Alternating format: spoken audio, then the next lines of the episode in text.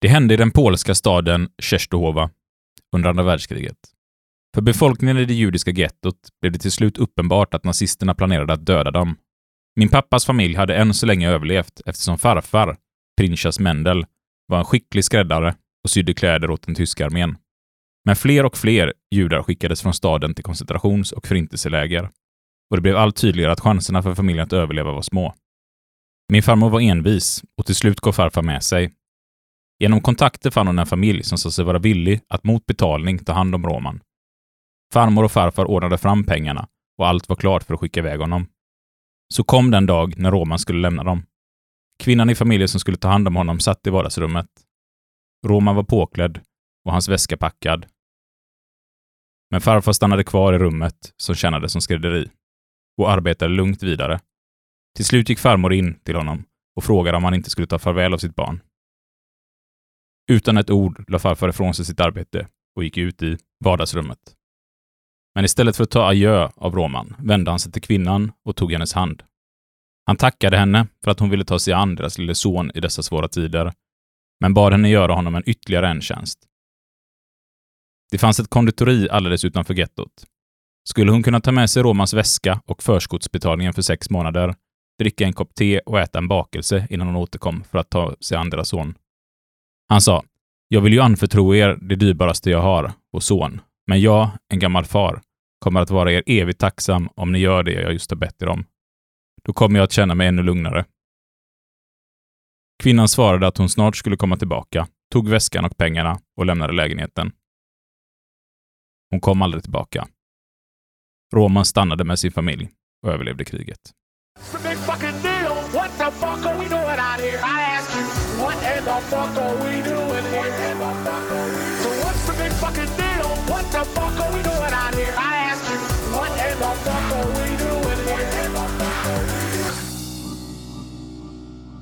Ja, den här berättelsen som vi hörde i början här, den kommer från Stefan Einhorns bok Vägar till visdom. Som för övrigt tycker jag är en intressant bok att läsa.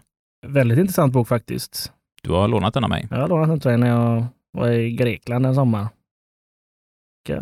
Det var ett par år sedan då förstås. Minns du den här historien från boken? Eh, det gör jag nog faktiskt inte, om jag ska vara helt ärlig. För mig satte den sig jätte, jättestarkt. Just det här med att eh, ta ett av de här kanske svåraste besluten man någonsin kan ta i ett liv.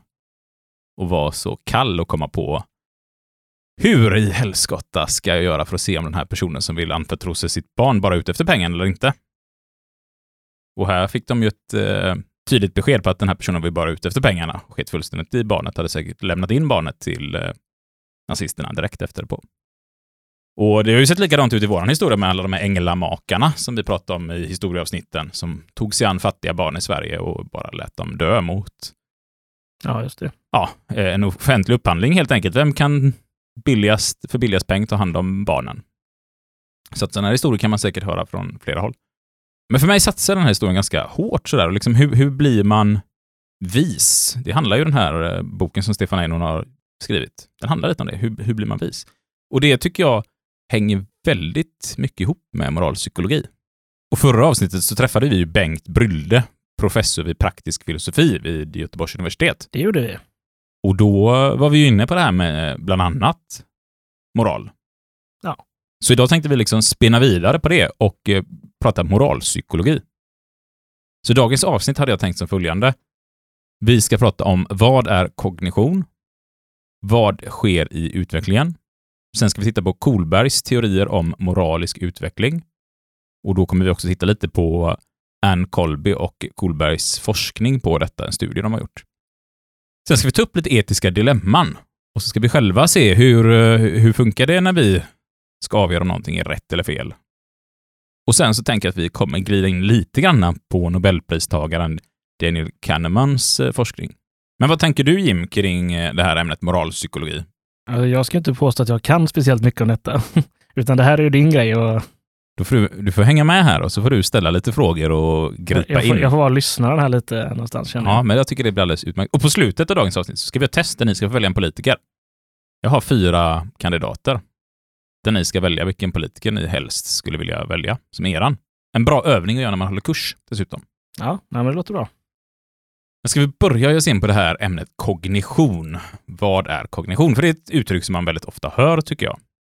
Det vet jag inte om jag känner att jag hör så ofta, men eh, ja, det, det kanske är vanligare när man läser böcker. du Läser man psykologi så, så är kognition och även so- socialpsykologi så är det ett ämne som, eller ett ord som ofta dyker upp. Men även inom, eh, när vi pratar rehabilitering, missbruk och sådana saker som man kan hamna i på sina företag. Liksom. Ja, men det känner jag igen nu när du säger det. Ja, precis. Så ibland så kanske man har lite äldre arbetare som, det kan ju hända att yngre också, som har varit iväg på någon form av utredning. Eh, Det kan vara en arbetsskadeutredning på grund av kemikalier man utsatts för. Då kan man göra olika tester på sin kognition för att se har min hjärna blivit påverkad av kemikalierna jag jobbar med. Det, är ju, det händer ju i våran bransch. Nu har ni inga egna lackeringar på företaget du jobbar. Nej, Så det ni kanske är lite förskonade för detta. Men ja, jag känner eh, inte igen eh, jätteofta just med det, men tyvärr väldigt vanligt med kognitionsskador i lackvärlden. det är starka Stark- gifter. starka kemiska ämnen och inte så bra arbetsmiljöarbete på företagen. Idag ser det bättre ut, tack och lov. Men fortfarande väldigt mycket att jobba med. Och jag vet att det finns en hel del andra branscher också där man har problem med detta. Men kognition då, det är en psykologisk term.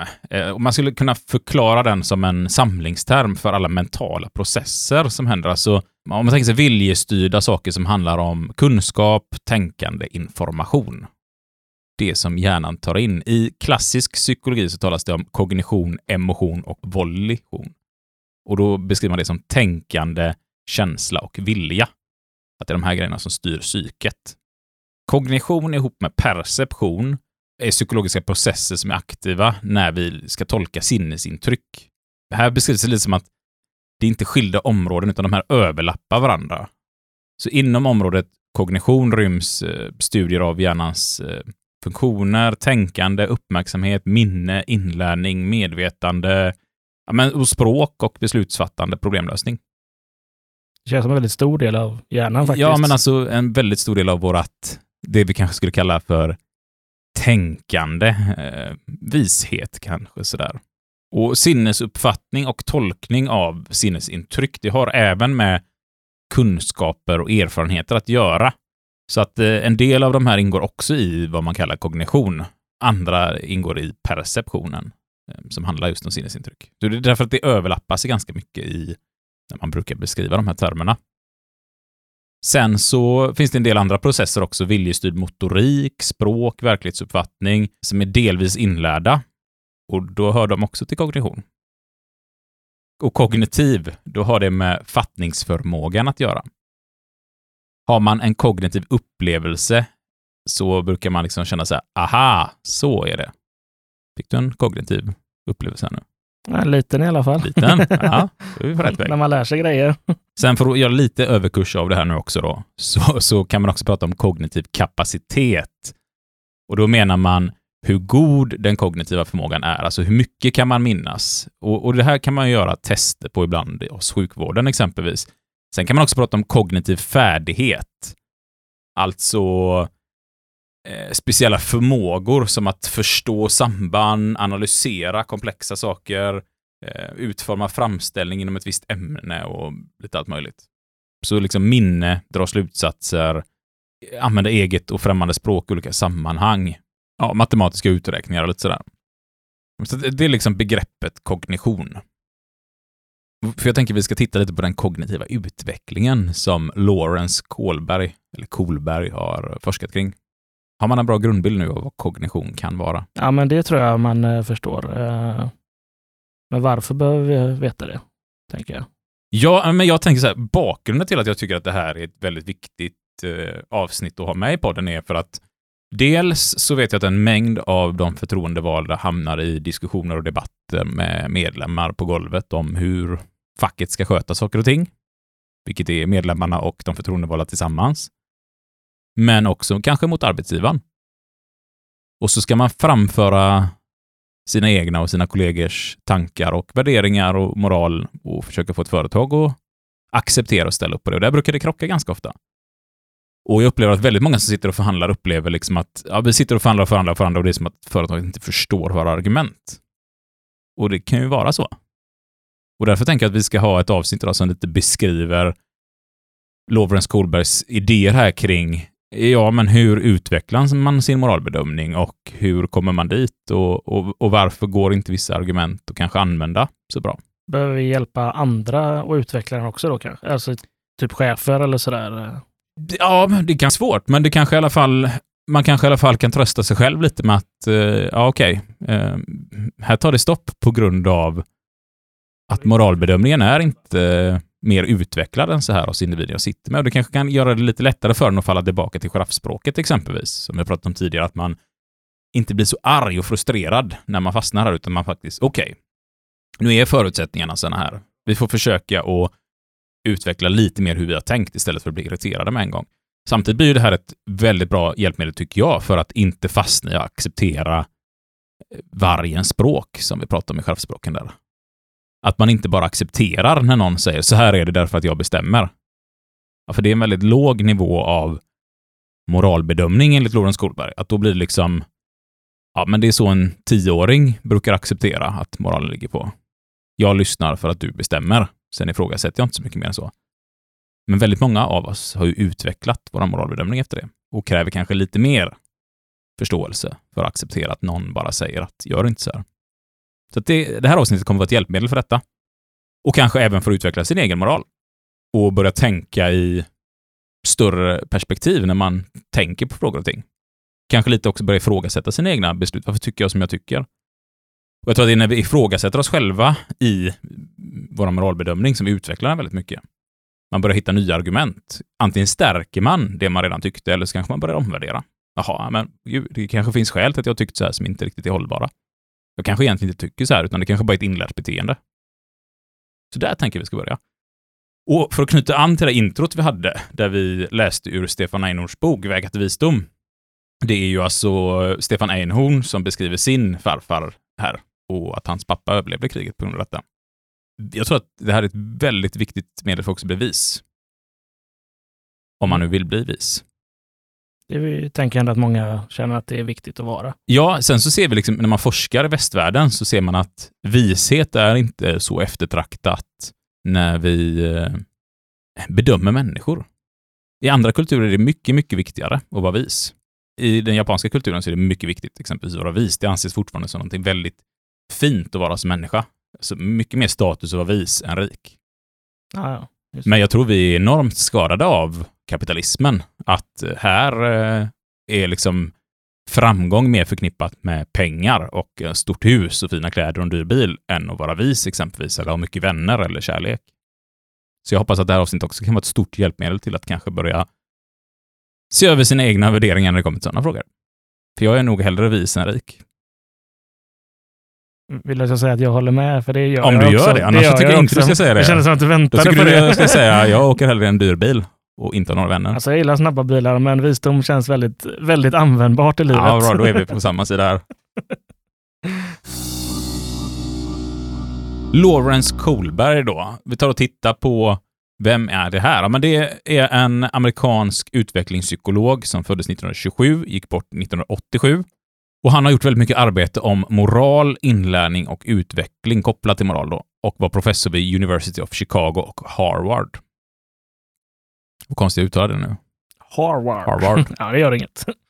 Um, och uh, han har studerat utvecklingen av moralbedömning. Och det gjorde han genom att presentera olika moraliska dilemman, där exempelvis lagen kunde ställas mot att rädda en människas liv, exempelvis. Respekten från en förälder till rätten att själv tjäna sina pengar. Alltså så här ganska komplicerade frågor för folk att besvara på. Och i den här forskningen så var han inte det minsta intresserad av vilket svar försökspersonerna kom fram till. Alltså all, han brydde sig inte om hur du tänkte och tyckte, utan hur kom du fram till det? Ah, Okej, okay. det var den, ah, hur du kom dit. Ja, okay. så det, det, liksom, det är det vi kommer lägga fokus på. Vi kommer inte tala om för att ni är bra eller dåliga människor för att ni tycker kärnkraftverk är bra eller dåligt, eller för att ni tycker att eh, trängselskatt är bra eller dåligt, eller dödshjälp är bra eller dåligt. Ja, det är också tufft för oss att bedöma de andra när de lyssnar i andra änden, tänker jag. Ja, det är svårt. Det är svårt. Eh, även om vi kan läsa era tankar, så länge ni är uppkopplade mot vår eh, streamingtjänst där. ja. Eh, riktigt så långt har inte teknologin kommit än.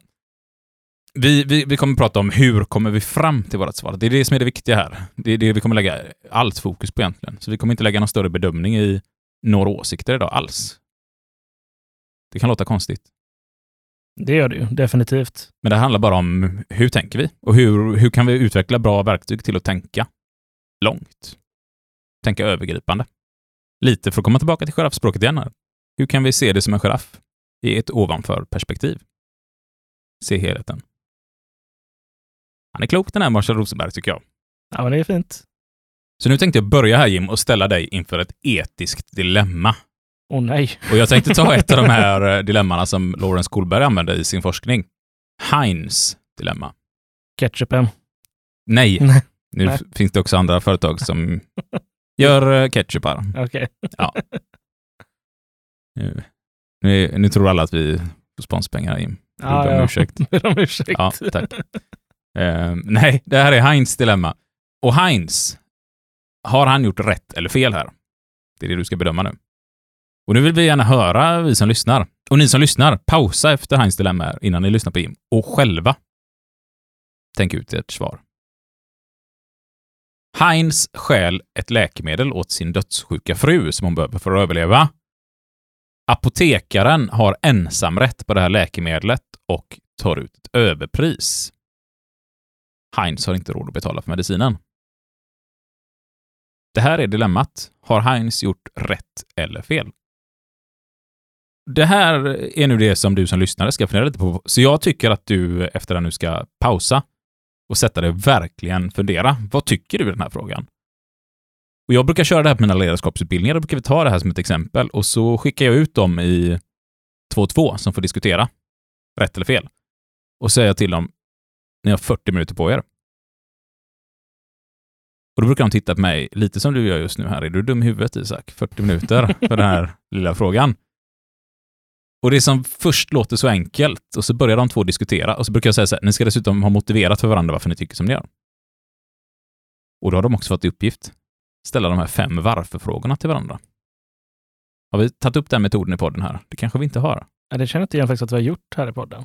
Nej, när man tycker eller tänker något eller har en åsikt så ska man alltid testa den med fem varför. Varför tycker du så? Jaha, varför tycker du på det sättet då? Varför tycker du det? Varför det? Det är många sådana här ledarskapsfilurer som lär ut det här. Men det är en väldigt, väldigt bra metod och vi ska komma in på varför sen. Så att pausa nu. Fundera på vart står ni frågan. Så slipper vi spela in 40 minuter av tystnad. Så nu får ni själva pausa i 40 minuter. Och diskutera med någon. Ta personen som sitter jämte på bussen eller tunnelbanan eller spårvagnen eller vart ni befinner er nu.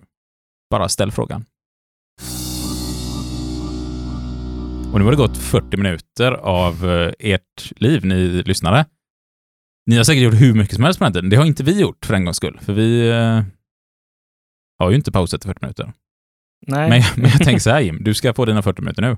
jag får mina 40 Nej, du minuter får nu. inte 40 minuter. Du får några få minuter här nu. Så att Ja. du får lite snabbtänka på det här nu. Ja, alltså så här, jag tänker först då, ja men det är klart att det är rätt. Liksom. Han måste ju rädda sin frus liv. Det, det känns väl rimligt. Men sen har vi ju då att vi har lagar i samhället som vi ändå gemensamt har beslutat om att så här ska vi ha det någonstans. Vart hamnar vi sen då? Liksom? Det, ja, då står ja, men då har han gjort fel helt plötsligt. Du vacklar du lite fram och tillbaka. Ja, det blir ju så. Men varf- alltså, sen då, ja, men varför ska vi ha människor som inte har råd med medicin? Det- blir också ett problem i andra änden. Det, det, ja, det är väl konstigt att ingen ska ha råd om det är en vanlig medicin. Sen kan det finnas kanske dyra grejer runt omkring och så här som är svårt. Men när det är en vanlig medicin så det måste ju alla kunna få ha råd med. Vi har ju inte all fakta här som kanske krävs Nej. till slut, men alltså man får man får försöka tänka lite så här som du gör just nu. Ja. Det, då, då, då blir det ju väldigt fel att vi har ett samhälle där ingen har Alltså, eller där det kanske finns människor som inte har råd att överleva trots att vi ändå har allting. Känner jag. Det blir väldigt fel någonstans. Så då har han gjort, gjort rätt i alla fall, kanske. Att istället samhället är fel på. Ja, lite så. Och, men om man tar ytterligare ett steg i det då, så blir det väl, men om det här hade varit, kanske inte varit en medicin utan en produkt då som samhället inte har råd med. Eller det blir, blir för dyrt för samhället att ha flera av den här maskinen för att fixa det här problemet. Liksom. Vi- Ja, det kanske krävs jättemånga människors tid för att tillverka den här Ja, medicinen exempelvis. Och vad, vad, är det samhället i funkar samhället då blir det till slut istället. Det är jorden det är fel på. Ja, det är jorden det är fel på. Bor vi på fel planet? Ja. Nej, jag vet inte. Det, det är jättesvårt. Jättesvårt är det. Nu låter du som en politiker här, Jim. Ja, jag, jag har ju inte Vi är svarat. bara ute efter att höra ja eller nej. Du ville ju inte veta svaret. Det var ju hur vi tänkte, sa du. Ja, men dig bedömer vi. Ja, det är ja, okej, lyssnarna tack. som... ja, ja, men jag säger ändå att han har gjort rätt. Då.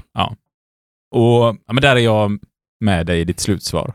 Eh, och kanske även vägen dit. Men det är nu jag tänker att vi ska ta och titta på det. här. Vägen dit.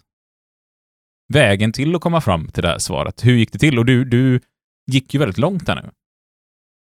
Det var ju inte bara rätt eller fel, för mamma har sagt det. Nej, alltså först tänkte jag att ja, men det är klart att det är rätt. Eh, alltså, ändamålet helgar medlen här. Liksom. Det att rädda ett liv är viktigare än, än att, om du har stulit eller inte. Ja. Och jag tänker så här, det här var Heinz dilemma. Men det, vi, kan, vi kan också ta ett annat exempel. Man sitter och förhandlar arbetstid på sitt företag. Och så sitter man kanske med en chef eller med en HR eller både och som sitter och säger att det står i avtalet att vi kan ha de här tiderna. Jaha. Ja, men då är det moraliskt korrekt för att det står i avtalet då. då. Ja. Vi människor som jobbar där då. Vi har ju kommit överens om detta till gemensamt, egentligen avtalet. Då. Ja, egentligen har vi ju det va? Ja, Och ibland kanske det är chefen bara säger så här, ni ska jobba någonting därför att jag säger det. Jag är en chef. ja, den är ju, då, är man ju då har man ju inte kommit överens om det gemensamt i alla fall. Nej, men det är också en Men, moralbedömning. men det är ju en regel som vi har däremot. Så det, det är ju faktiskt också ett avtal. Ja. Att leden, alltså chefens rätt att leda och fördela. Precis. Men vi- vi kan väl ta de här liksom som kan komma upp idag, eh, de här olika, och så kan vi slänga in de här i Kolbergs lilla moraltrappa och se vad, på vilka nivåer är vi i vår moralbedömning. Men jag ska ta fram min lilla bok här faktiskt, så ska vi läsa direkt ur den. T- Tänker du påstå att det här är en liten bok? Ganska liten bok. Jag tycker det är som en väldigt stor och tjock bok med väldigt liten text i. Ja, socialpsykologi... kan inte säga det. Socialpsykologi, en introduktion av Klaus Helkama, Rauni Mylliniemi och Carmela Liebkint. Så är man intresserad tycker jag absolut man ska göra det. Ja, men jag tycker det Men här det är är, ingen, bra... det är ingen sån här lite vardagsläsning, tänker jag. Nej, men det här är en introduktionsbok till socialpsykologin eh, där de liksom går in lite lätt på väldigt, väldigt, väldigt mycket. Jag tycker den är jättekul och intressant. Sen så i den här så hittar man ju jättemycket spännande, rolig forskning man kan fortsätta läsa vidare på. I den här boken så finns i alla fall de här fem olika nivåerna med Lawrence Kohlbergs moralbedömningsstadier, kan vi väl kalla det. Man delar upp det i fem olika stadier och jag tänker att när vi pratar om detta så kan vi titta på lite statistik, hur det ser ut i västvärlden här med i vilka nivåer majoriteten av befolkningen ligger i. Nivå 1. Heteronomen moral. Då handlar det om vad är rätt? Och då handlar det om att undvika att bryta mot regler som kan leda till bestraffning. Alltså man lyder för lydnadens skull. I det här fallet med Heinz dilemma så skulle det liksom kunna vara att eh, ja, men den som skäl hamnar i fängelse. Därför var det fel av Heinz. Kom undan bestraffningen liksom. Eller om man nu tycker att det är rätt då. Man får stjäla eftersom hustrun är en viktig person för en. Och där stannar liksom moralbedömningen. Och den här nivån då som kallas nivå 1 kan man säga att där ligger ungefär 25 procent av alla tioåringar. Sen avtar det här och vid 16-17 års ålder så är det nästan inga människor som ligger kvar i den här moralbedömningsnivån, utan då har de flesta utvecklat sin moralbedömning. Och den här forskningen är från 1987 och det är då Kolby och Kohlberg som gjorde den här. Tittar man på den här nivån då utifrån ett socialt perspektiv så handlar det om att det är egocentriskt. Man beaktar inte andras intressen eller förstår inte att de skiljer sig från aktörens egna intressen. Alltså man blir väldigt fokuserad på bara sin egen handling, ingenting annat. Eh, och man granskar ofta den här handlingen väldigt fysiskt och inte utifrån psykologiska intressen. Alltså det är auktoritetens perspektiv möjligtvis då man har med sig. Och det, det här är ju vanligt för att det är ju ofta på den här nivån som vi som föräldrar kanske pratar med våra barn. Det pratar vi också med giraffspråket, det auktoritära uppfostran att gör så här för jag är din pappa. Man lär sig inte så mycket moralbedömning på det. Utan bara, ja, jag följer, annars kanske jag blir bestraffad på något sätt. Men ändå gläd, gläd, glä- glädjande att se att vid 16 års ålder, 17 års ålder, så är det inte några nästan som ligger kvar detta. Då vill man inte lyssna på sin pappa längre. Precis. Och då är det desto vanligare att man är inne i Stadie 2. Moral för egen vinning och rejält utbyte. Och stadie 2 handlar liksom om att följa regler endast när de är förenliga med någon oumbärlig fördel. Att man, man värnar sina egna intressen, men förstår också att andra människor har egna intressen. Det här kallar man då i ett socialt perspektiv för konkret individualistiskt perspektiv. Insikten om att var och en måste se sina egna intressen, samt att de är motstridiga, så är det som rätt relativt i konkret individualistisk mening. Alltså det kan vara rätt för en person och fel för en annan. Men man gör även ändå bedömningen på nivån att det står mellan de här två personerna. Mm. Man lyfter liksom inte moralen ett steg högre som du gjorde. Du gick ju till samhället till och med. Den här ser man bara, ja, vem är det rätt för apotekaren eller Heinz? Och tittar vi i vår lilla graf här då, så ser vi att där ligger 60 procent av alla tioåringar. Och vid 18-20 års ålder så är det ungefär 20 procent av befolkningen som ligger kvar där och vid 36 års ålder så är det nästan inga som ens ligger kvar den här nivån. Och det tycker jag också är glädjande att se att de allra flesta människorna kommer ifrån där och bara ser att det handlar om två personer i det här fallet, att det är lite större än så. Den här grafen jag pratar om över också med forskningen, den kommer vi lägga upp på vår Instagram och Facebook. Så kan man gå in och titta på den grafen så ser ni i realtid hur det ser ut. Eller inte realtid, det är gjort 87. Men ni, men ni ser vad det är vi tittar på här i realtid, så kanske vi ska uttrycka oss då. Nivå 3 då, som är nästa steg. De goda människorelationernas moral. Och då handlar det om att man handlar i enlighet med de förväntningarna som närstående människor eller människor i allmänhet har. Alltså behovet av att vara en god människa i egna och andras ögon, omsorg om andra, tro på den gyllene regeln exempelvis. Att man också försöker upprätthålla regler hos auktoritärer som är förenliga med gott uppförande. I det här sociala perspektivet så benämner man det som perspektivet för relationen mellan individer. Medvetenheten om gemensam ambitioner, överenskommelser och förväntningar som går före individuella intressen. Nu är vi inne på detta lite. Ska man fungera i en flock så kan man ju inte bara titta på två individer, utan hur påverkar detta resten av eh, gruppen? Då börjar man väga in lite mer sånt här. Bland tioåringarna där så är det inte så många som har kommit upp till den nivån, utan det är 12 procent kanske här ungefär. Men däremot så vid 16 års ålder så är det 60 procent som har kommit upp till den här nivån.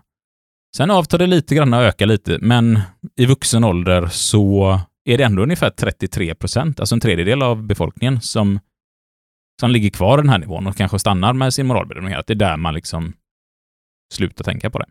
Och här tror jag att många gånger vi sitter och förhandlar på våra arbetsplatser, så sitter man kanske med en person som är på den här nivån. Där man kanske tittar på, är du en bra arbetare så är det så här du ska bete dig. Och vi är ett bra företag och därför beter vi oss så här. Och då måste vi komma överens om de här sakerna. Liksom. Och så är det där man sitter och har sitt fokus. Jag tror tyvärr att en del av er sitter med steget innan moral 2 där. Jag tycker så här, du tycker så, jag bestämmer, därför blir det så. Och så är det inte så mycket mer moralbedömning i det. Ja, det är ju tråkigt när man hamnar där. Och då kanske man inte har den sundaste organisationen på sitt jobb där man väljer ut sådana chefer heller, för att man kanske tycker om det här auktoritära. Och eh, jag tror att det kommer hämma organisationsutvecklingen enormt.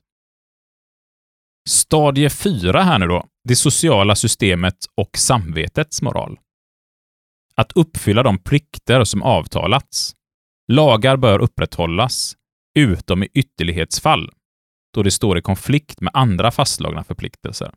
Det kan även vara rätt att göra sin insats för utvecklingen av samhället, gruppen och institutioner. Nu tänker jag lite på Rosa Parks. Mm. Det fanns ju regler om att svarta inte fick sitta fram i bussen. Ja, just det. Men Rosa Parks bröt mot detta. Och var med och påverkade samhällsutvecklingen. Alltså man bryter mot en lag och även om man är en person som tycker det är viktigt med lagar så kanske man inser att här måste vi bryta mot lagen för att göra en samhällsutveckling. Lite också vad fackföreningarna har hållit på med Ja, sista definitivt. 150 Ja, åren. precis. det har varit lugnt. Ja, Vi har inte brutit mot så mycket lagar de senaste 50 åren i alla fall. Va? Nej, men vi, vi, i början var vi tvungna att göra det. Och man hör ju det från andra länder. Åh, det är upprorsmakare. Men då kan man ju också tänka sig liksom att det handlar också om att upprätthålla institutioner och undvika att rasera system. Liksom att man också tänker på det här, jo, men om alla gjorde som Heinz här och gick in och själv, vad skulle hända med samhället då? Eller om, om alla mediciner nu var så här, då hade vi varit tvungna att skälla. Så att eh, då, då, då ser man ändå över lagarna och förstår att eh, i vissa fall så kanske det måste brytas mot lagar. Och i det sociala perspektivet då så är det det samhälleliga perspektivet differentieras från det interpersonella avtal eller motiv. Alltså man kan ha... Man godtar systemets synsätt och definierar roller och regler, men att individuella relationer ses som en del av systemet, att ibland måste man upprätthålla dem före det andra systemet. Nu är det invecklat här, men det ska det vara.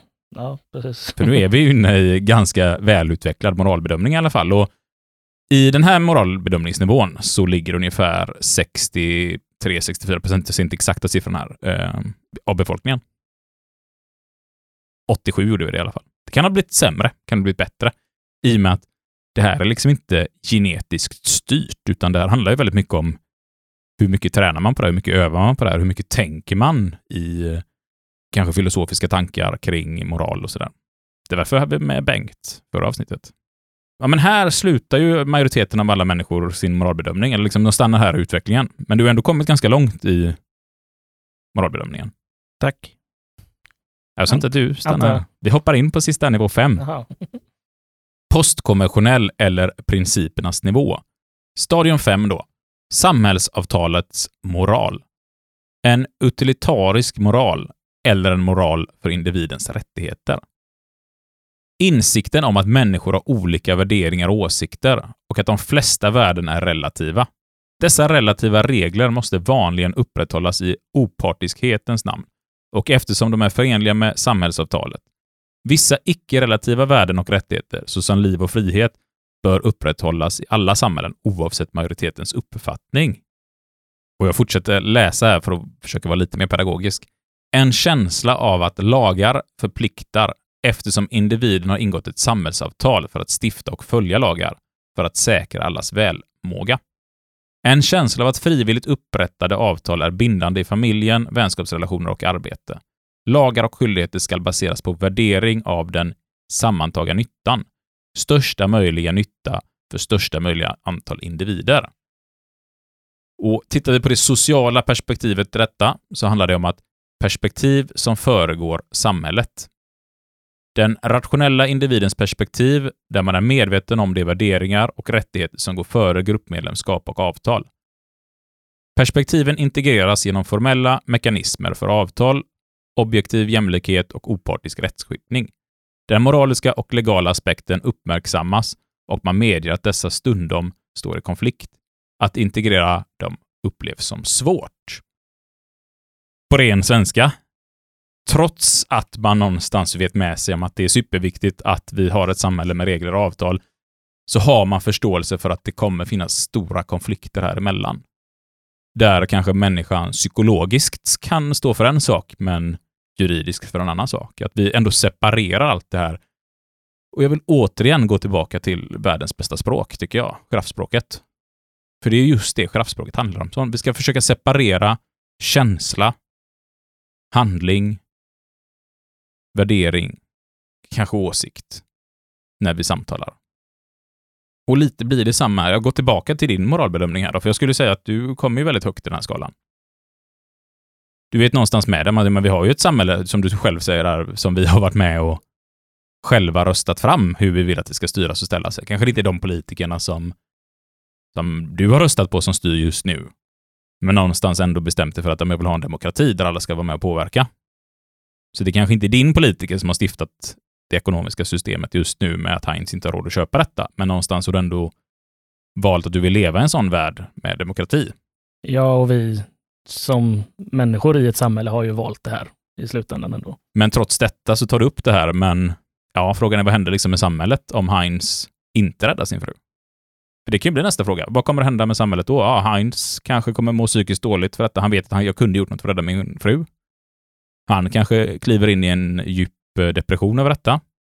Går in i väggen, kan inte jobba, eh, börjar kosta samhället enorma pengar, mycket mer än den här medicinen har kostat. Då kanske man ska ställa det lite mot apotekans äganderätt och vinstuttag i den här medicinen. Har apotekans rätt till det verkligen en mer positiv effekt på vårt samhälle än att Heinz blir sjukskriven och man tappar kanske också en kvinna som dör här som hade kunnat jobba och betala in skatt också. Eller vad är samhällets bästa? Här kanske det krockar rätt mycket.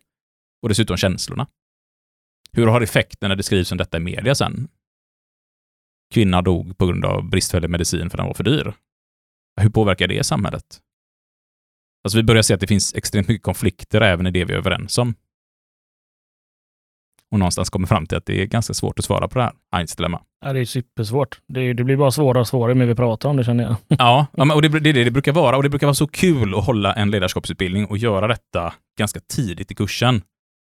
Och jag brukar inte ha med den här för att sätta folk på plats att haha, kolla här, ni har dålig moralbedömningsförmåga, utan snarare för att man ska liksom... Ja, det hade varit elakt. Ja, det hade det varit. på med. Men för att man faktiskt ska ganska tidigt skede liksom, man hör det här Heinz dilemma, de allra flesta väldigt snabbt. Ja, men eh, så här tycker jag.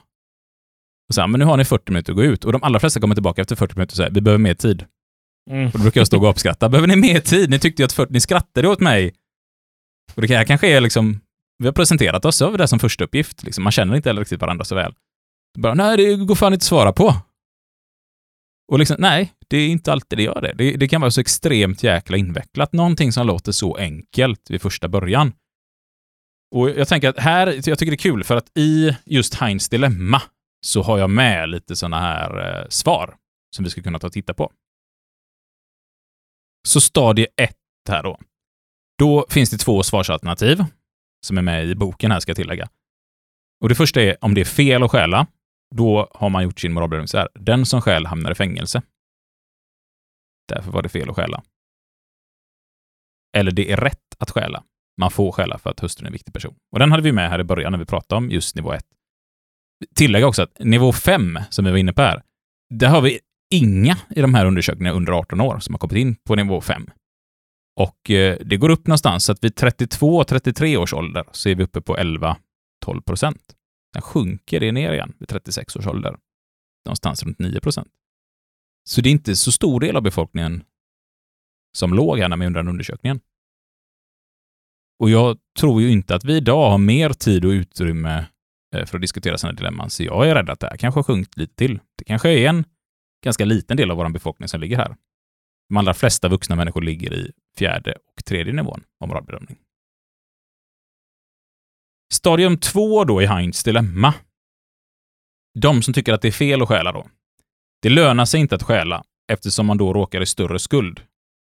Står det här. En ny hustru kan man ju alltid ta sig. Det kändes lite väl iskallt. Det var eh, väldigt kallt får jag säga. Undrar om någon verkligen har skrivit så. Eh, och de som tycker att det är rätt att stjäla här då. Apotekaren är en skurk, Heinz kan ge tillbaka med samma mynt. Det är lite öga för öga, tand för tand. eh. Ja, det, vi vet ju inte heller om apotekaren är en skurk i det här fallet. Det kan ju faktiskt vara plus minus nollpriset, men han har ändå inte råd. Men det var ju överpris. Ja, det var överpris ja. Ja. ja. ja, då. Då är han skurk. På, på nivå tre, de som tycker det är fel att stjäla, det är ohederligt att stjäla. Du är man lite på det här med heder och din liksom människobilden du skapar av dig själv, din identitet som människa. De som tycker att det är rätt då, Heinz vill verkligen rädda sin hustru. Stöld kan gottgöras, men ett människoliv får man inte tillbaka. Och, och det låter ju som en så här, skulle man ställa stadie tvås, det lönar sig inte att stjäla, för man kan alltid skaffa sig en ny fru. Och så kommer nästa person in och debatterar och säger, Heinz vill verkligen rädda sin hustru. Stöld kan gottgöras, men inte ett människoliv. Då känns det som de flesta hade röstat med den här stadie 3 Ja, det skulle jag säga. Ja, och här blir också en sån här sak att har man en hög moralbedömning så upplever jag att man lite oftare kanske i debatter vinner en debatt. Fel att säga vinner, men att folk får upplevelsen att den här personen har bättre åsikter för att det är mer välutvecklade svar. Därför tycker jag också att det är en viktig grej att man, man lär sig faktiskt att utveckla sina svar ordentligt. Stadie 4 här då, de som tycker att det är fel att stjäla. Att stjäla strider mot lagen och lagen behövs för att upprätthålla samhällsordningen och hindra människor från att fatta godtyckliga beslut. Då är man ändå inne på den här överheten att ja, men det finns något större än oss människor som vi någonstans måste följa om vi vill kunna leva ihop eh, på det här sättet. Och den som då tycker att det är rätt att stjäla, äktenskapslöftet förpliktigar Heinz att värna sin hustrus hälsa. Alltså lika sak att det finns också eh, regler som inte står skrivna, som är också väldigt viktiga för oss människor att följa. För annars kan vi kanske inte lita på varandra. Och stadie 5 här då. Hustrun och alla andra människor är lika värdefulla. Om man får stjäla för hustruns skull får man även stjäla för alla andras skull. Man vore alltså ständigt förpliktigad till att stjäla, vilket är absurt. Och det var Timo Airaksinen, professor, som hade skrivit det svaret. Och då hade han en 26-årig teologistuderande student som eh, svarade så här, på nivå 5 då. Ett människoliv är viktigare än apotekarens äganderätt. Apotekaren är ute efter oskälig vinst. Samhället borde organiseras så att dylika situationer inte uppstår. Där är man ju mycket mer inne på samhällsutvecklingen då. Mm. Så det här är Definitivt. liksom Kolbergs fem steg av moralbedömning. Känns det någorlunda Jag, jag har lärt mig någonting i alla fall. Ja, men härligt. Ehm, och, och här kan man ju då tänka på detta, alltså, hur, hur långt går moralbedömningen i era argument när ni sitter och förhandlar på arbetsplatserna? Eller era chefers? Vart tar det stopp? Varför tar det stopp? Varför, varför kan man inte lyssna? Det, kan, det här kan ju vara ett hjälpmedel att någonstans liksom Okej, min chef fokuserar väldigt mycket på vem som har rätten att bestämma enbart. Då är det liksom kanske ajournera mötet som gäller och gå ner där ni sitter och förbereder inför förhandlingarna och börja liksom vilka argument kan vi lyfta fram? Hur lyfter vi fram dem? Jag brukar prata väldigt mycket om samhällsutveckling tillbaka till den här frågan. Men varför har vi ens arbetsplatser? Är det för att göra samhället bättre eller är det för att företagen ska göra så mycket vinst som möjligt? Vad är meningen med vinst om inte vinstpengarna går till att göra samhället bättre? Och ibland då kan man ifrågasätta sig, är det viktigare att vi gör den här lilla extra vinsten eller att all personal här mår bra och att vårt bolag är ett bolag som gör någonting gott för samhället? Och frågan är, om personalen har känslan av att man jobbar på ett bolag som gör gott för samhället, hur kommer det synas ut emot kunder? Så, så vi kan liksom lyfta så mycket större perspektiv än bara det här. Vi har ibland svårt att hitta folk. Vill vi inte låta våra bilmekaniker som har barn vara hemma och ta hand om sina barn och vara bra förebilder för sina barn? Det kanske är 30 nya bilmekaniker vi har här om 20 år. För, för så har det varit mycket i våra bolag. Väldigt många av våra medlemmar, deras föräldrar har jobbat i samma bransch. Vanligtvis pappan har jobbat i samma bransch. Så stereotypt är det. Vi har bara någon enstaka procent kvinnor i branschen. Liksom. Men, men det är ett yrke som har gått i generationer. Men vi börjar se ganska tydliga tecken på att idag är det inte många som tycker att deras barn ska jobba i samma bransch. Har det gärna som hobby, men jobbar inte där. Och det tror jag är för att man har tagit bort mycket av glädjen för många som jobbar inom den här branschen. Så det brukar jag ha med i förhandlingar ibland. Det är kanske också en väldigt, väldigt viktig del att prata om. Och det är klart att jag tror att ibland så tycker nog de jag sitter och förhandlar mot att det är fruktansvärt jävla irriterande att mötas av de här argumenten. För vi är ett bolag som tävlar på aktiemarknaden om vilka som investerar i oss. Och de skiter fullständigt i det här. Och ja, det gör många investerare. De skiter fullständigt i de här bitarna. Men då får vi återigen påminnas, varför ska vi ha? Är det för aktieägarna vi har bolag? Är det därför vi har bolag i Sverige? Är det bara därför? Och jag tycker det är lite samma sak när man diskuterar politik, att alltså försöka lyfta de här frågorna om... Jag, jag tycker vi utgår alldeles för lite från psykologin när vi pratar politik. Jag tycker att i psykologin så hittar vi så jäkla mycket svar på hur samhället skulle kunna göras mer ekonomiskt hållbart och bättre. Framförallt även när vi pratade Maslows behovstrappa i ett ganska tidigt ledarskapsavsnitt. Så har ni inte lyssnat på det tycker jag verkligen att ni ska tillbaka och lyssna på det. Och saker som ibland kan låta vid första anblick korkat. Du begår ett brott, du sitter i fängelse, du kommer ut och får jobb och en lägenhet. Den som har gått ur skolan måste söka detta och stå i en bostadskö. Skitorättvist. Absolut. Men vad tjänar samhället på ekonomiskt? Vem behöver hjälpen mest? Vill vi få personer att sluta med kriminalitet så är det ju inte en lösning och nu är du bostadslös och har inget jobb. Lycka till! Hehe, det är ditt straff. Ja, den är tuff är den faktiskt. Ja, jag tror inte det är många som bara, nej men nu, nu tar jag tag i mitt liv och blir skötsam. Ja, det, det kommer nog inte ske. Då behöver vi liksom fokusera på psykologin och moralbedömningen tror jag för att kunna, kunna lyfta detta. För det är klart att vid första anblick så hamnar jag också i nästan steg ett där. Det är väl fan inte rätt att den som har gjort fel ska få saker serverat framför sig. Nej. Men så försöker man tänka efter lite. Och tänka efter lite till och tänka efter lite till. Sen kan man hamna i slutskedet där man känner så här. Nej, men det är inte bättre för då känner alla ungdomar idag som inte får ett jobb och inte får ett jobb att jaha, är det kåken jag ska sitta på så börjar alla begå brott för att få jobb och lägenhet. Det är klart att det hade ju inte heller varit hållbart. Så någonstans måste man ändå inse att det är en komplex fråga. Vart ska vi mötas någonstans? Men jag tror så här. Hade man motiverat för alla och förklarat varför det här är viktigt så tror jag inte många ungdomar idag hade tänkt så här, "Ja, då ska jag också begå ett brott för att få en lägenhet. Och jag tror att de flesta ungdomar är så pass kloka att de inte gör det. Så det här tycker jag vi kan ha användning för i förhandlingsrummet. Jag tycker vi kan ha användning för det i eh, politiska debatter och hemma i familjen med sina barn.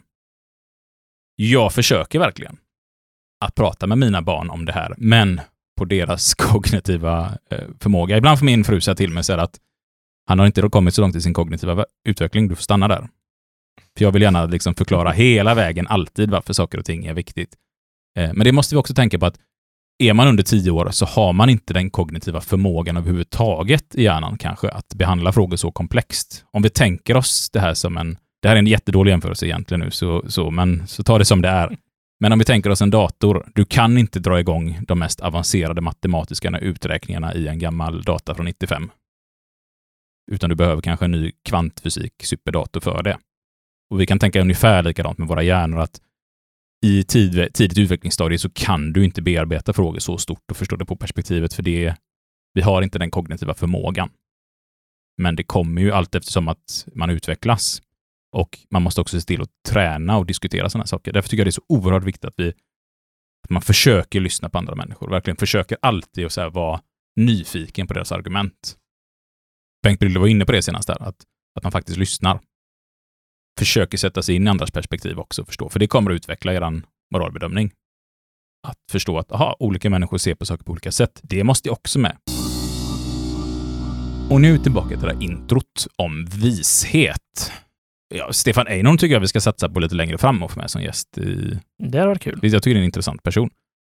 1980 i alla fall så drog Blasi slutsatsen om att de som har hunnit längre i Kolbergs stadier håller sina löften och hjälper andra människor oftare samt fuskar något mer sällan än de som inte har nått lika långt i moralbedömningen.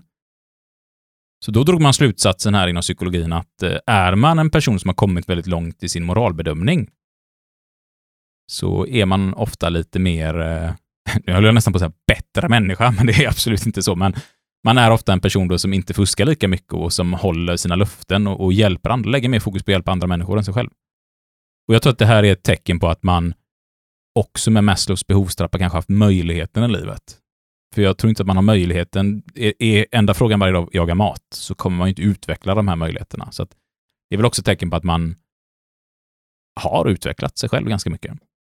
Och eh, 95 så var det då Ann Colby och eh, Damon som intervjuade personer vars liv kännetecknades av eh, att de var fast förankrade i moraliskt handlande och de här människorna klassifierade sig som goda människor, inom citationstecken här nu då. Gjorde de det själva? Ja, men man hade plockat ut eh, folk som var med i eh, medborgarrättsliga organisationer, fredsrörelser, stöttade fattiga eller handikappade, eh, gemensamma intresseorganisationer, alltså som konsumentgrupper, fackföreningar och lite sånt här. Och då fann man tre drag hos de här människorna. Och det var vishet, positiv inställning till livet och enighet mellan jaget och det moraliska syftet. Och de här personerna låg ju väldigt, väldigt mycket högre upp i den här moraltrappan. Men det är väl också ett tecken på att kanske när man börjar fundera på det här så någonstans, jag tror man blir ganska ödmjuk inför världen och samhället. Och börjar liksom känna att oj, allt är ganska invecklat och vi behöver hjälpas åt för att nå fram någonstans. Och också kanske vad som är viktigt för en i livet och i världen. Ja, precis, precis. Alltså är det sådär viktigt som vi pratade om innan med snabb bil och ja, vad det nu kan vara. No. Jag tänkte också vi skulle komma in lite snabbt på kognitiva konflikter, för ibland kan det finnas konflikter inom kognitionen, men samtidigt så har vi, vi har pratat nu i nästan snart en timme, eh, så vi kanske ska spara det och så fortsätta på ett avsnitt längre fram eh, och fortsätta prata lite kognition, för jag tycker det är superkul och superintressant. Det tycker jag att vi gör. Ta det längre fram. Och då tänker jag att vi ska hoppa in på det här sista nu. Ni ska, ni ska få en chans att välja en ny statsminister. Aha, nu har vi precis okay. fått det. Eh, ah. men, men det här är inte på riktigt. Nej. Den makten okay. har inte Fucky Podcast än, så länge... än har vi inte det. ni har fyra alternativ här på politiker ni ska välja. Så allihopa här, ni, ni får vara med och välja en. Och jag tänker att du får göra det här nu live. Okej. Okay. Kandidat nummer ett jag kommer inte säga deras namn och så nu, utan det är bara deras CV jag kommer att gå in okay, ja, ja. Nummer ett. Krigshjälte. Vegetarian. Djurvän. Röker inte, dricker inte. har inga kända skandaler, konst och arkitekturintresserad och vill bekämpa arbetslöshet med statliga satsningar på infrastruktur. Det var vår kandidat nummer ett. Kandidat nummer två. Pacifist och rebell. Försvarspolitiker som samverkar över de politiska gränserna. Lever med två kvinnor, spelar poker och dricker sprit på kvällarna. Är karriärist och har inga direkta intellektuella intressen. Det var nummer två. Nummer tre. Korad som frihetskämpe av USA, avstod från sitt lyxliv för att bosätta sig i ett u-land, gav bort sina rikedomar till religiösa ändamål, absolutist. Nummer fyra. Utbildad jurist, använder sin juridik för att sabotera för myndigheter. Dömd till fängelse upprepade tillfällen för bland annat uppvigling. Mm. Nu har ni de här fyra alternativen. Hur går dina tankar här, Jim? Um, alltså så här, jag, jag gillar ju pacifisten då egentligen, eller av den anledningen kanske. Uh, men sen vet jag inte om jag hade velat bo med två kvinnor. Men dricka sprit är väl trevligt. kan, kan det vara i alla fall.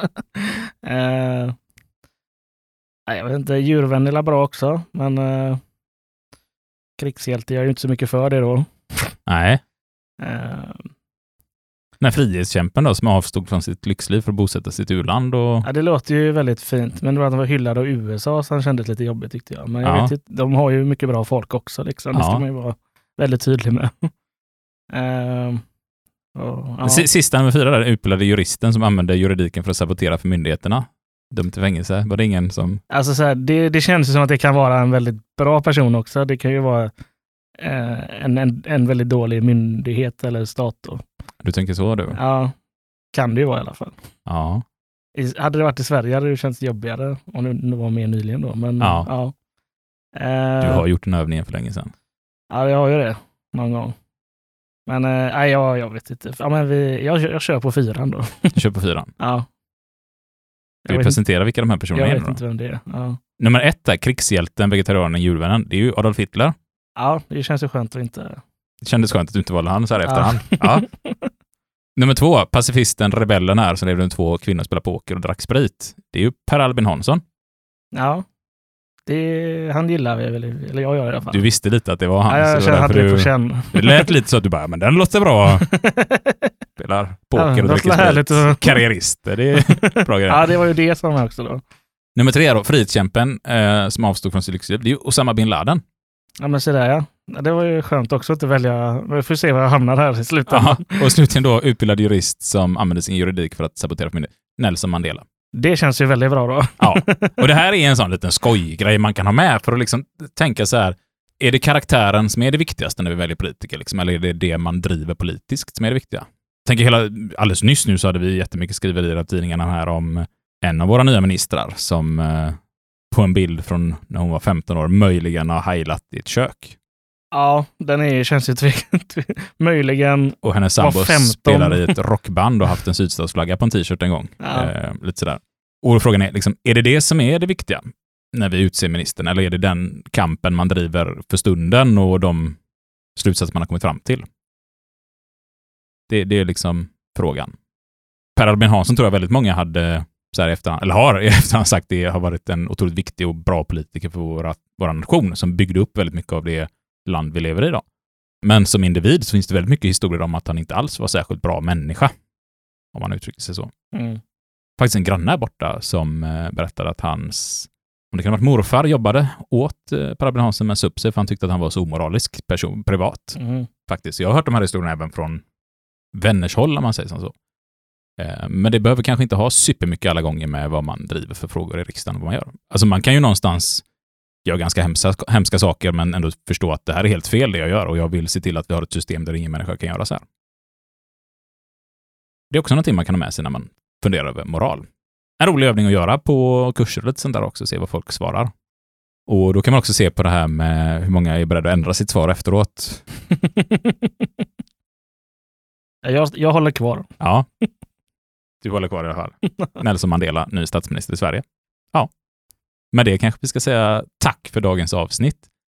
Det gör vi och vi ska inte glömma av att, ni ska inte glömma av att följa oss och ni får jättegärna dela oss och sådär också på Vi är supertacksamma om ni gör det, fortsätter att sprida podden och eh, även om ni vill vara med och stötta podden ekonomiskt och vara med och swisha in till oss så är vi super, super tacksamma över det. Och ni har också möjlighet att bli medlemmar i vår förening i ett år. Mm. Eh, och det är valfri summa så att ni kan swisha in en 500 eller 100 eller 10 spänn eller 25 000 kronor eller 200 spänn. Det väljer ni själva. Ingen dömer er. Vi är tacksamma för varenda liten krona som kommer in, för det kommer att göra skillnad för att fortsätta driva podden. Definitivt. Och vill man göra det så swishar man till 123 09 084 26. Och så ska vi bli medlem. Om man vill bli medlem. Och nu har jag också börjat säga så här att skriv ert namn och er e-postadress. Om det får plats. Det hoppas jag det gör när man swishar. Jag tror det gör det. Så får vi er e-postadress. Så kan vi mejla ut till er när det är dags för årsmöte och sådana grejer. För den är ni varmt välkomna på, ni som är medlemmar. Och det börjar bli årsmötestider här. Ja, det är, vi börjar närma oss i alla fall. Sista ja. mars ska vi ha det. Senast. Senast. Mm. Tack för idag. Tack vi så jättemycket. Ha det gött.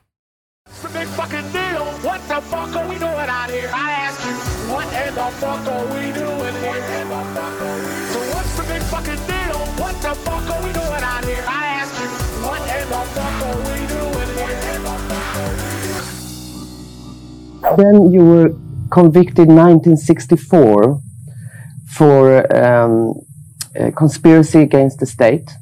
And in your, when you pleaded, you said that I am willing to die for this cause. This is very tough thing to say. Yes, I uh, had to say that, not from a spirit of bravado, but because I genuinely felt that uh, they were going to hang us. And uh, it is the desire of every freedom fighter to disappear under a cloud of glory rather than that of shame. It is the task of a freedom fighter when you see that the end of your days has come to live a tradition of uh, bravery, determination to face even death for your principles. And uh, I thought about it. It was not because I was brave, but because one had a duty to perform mm-hmm.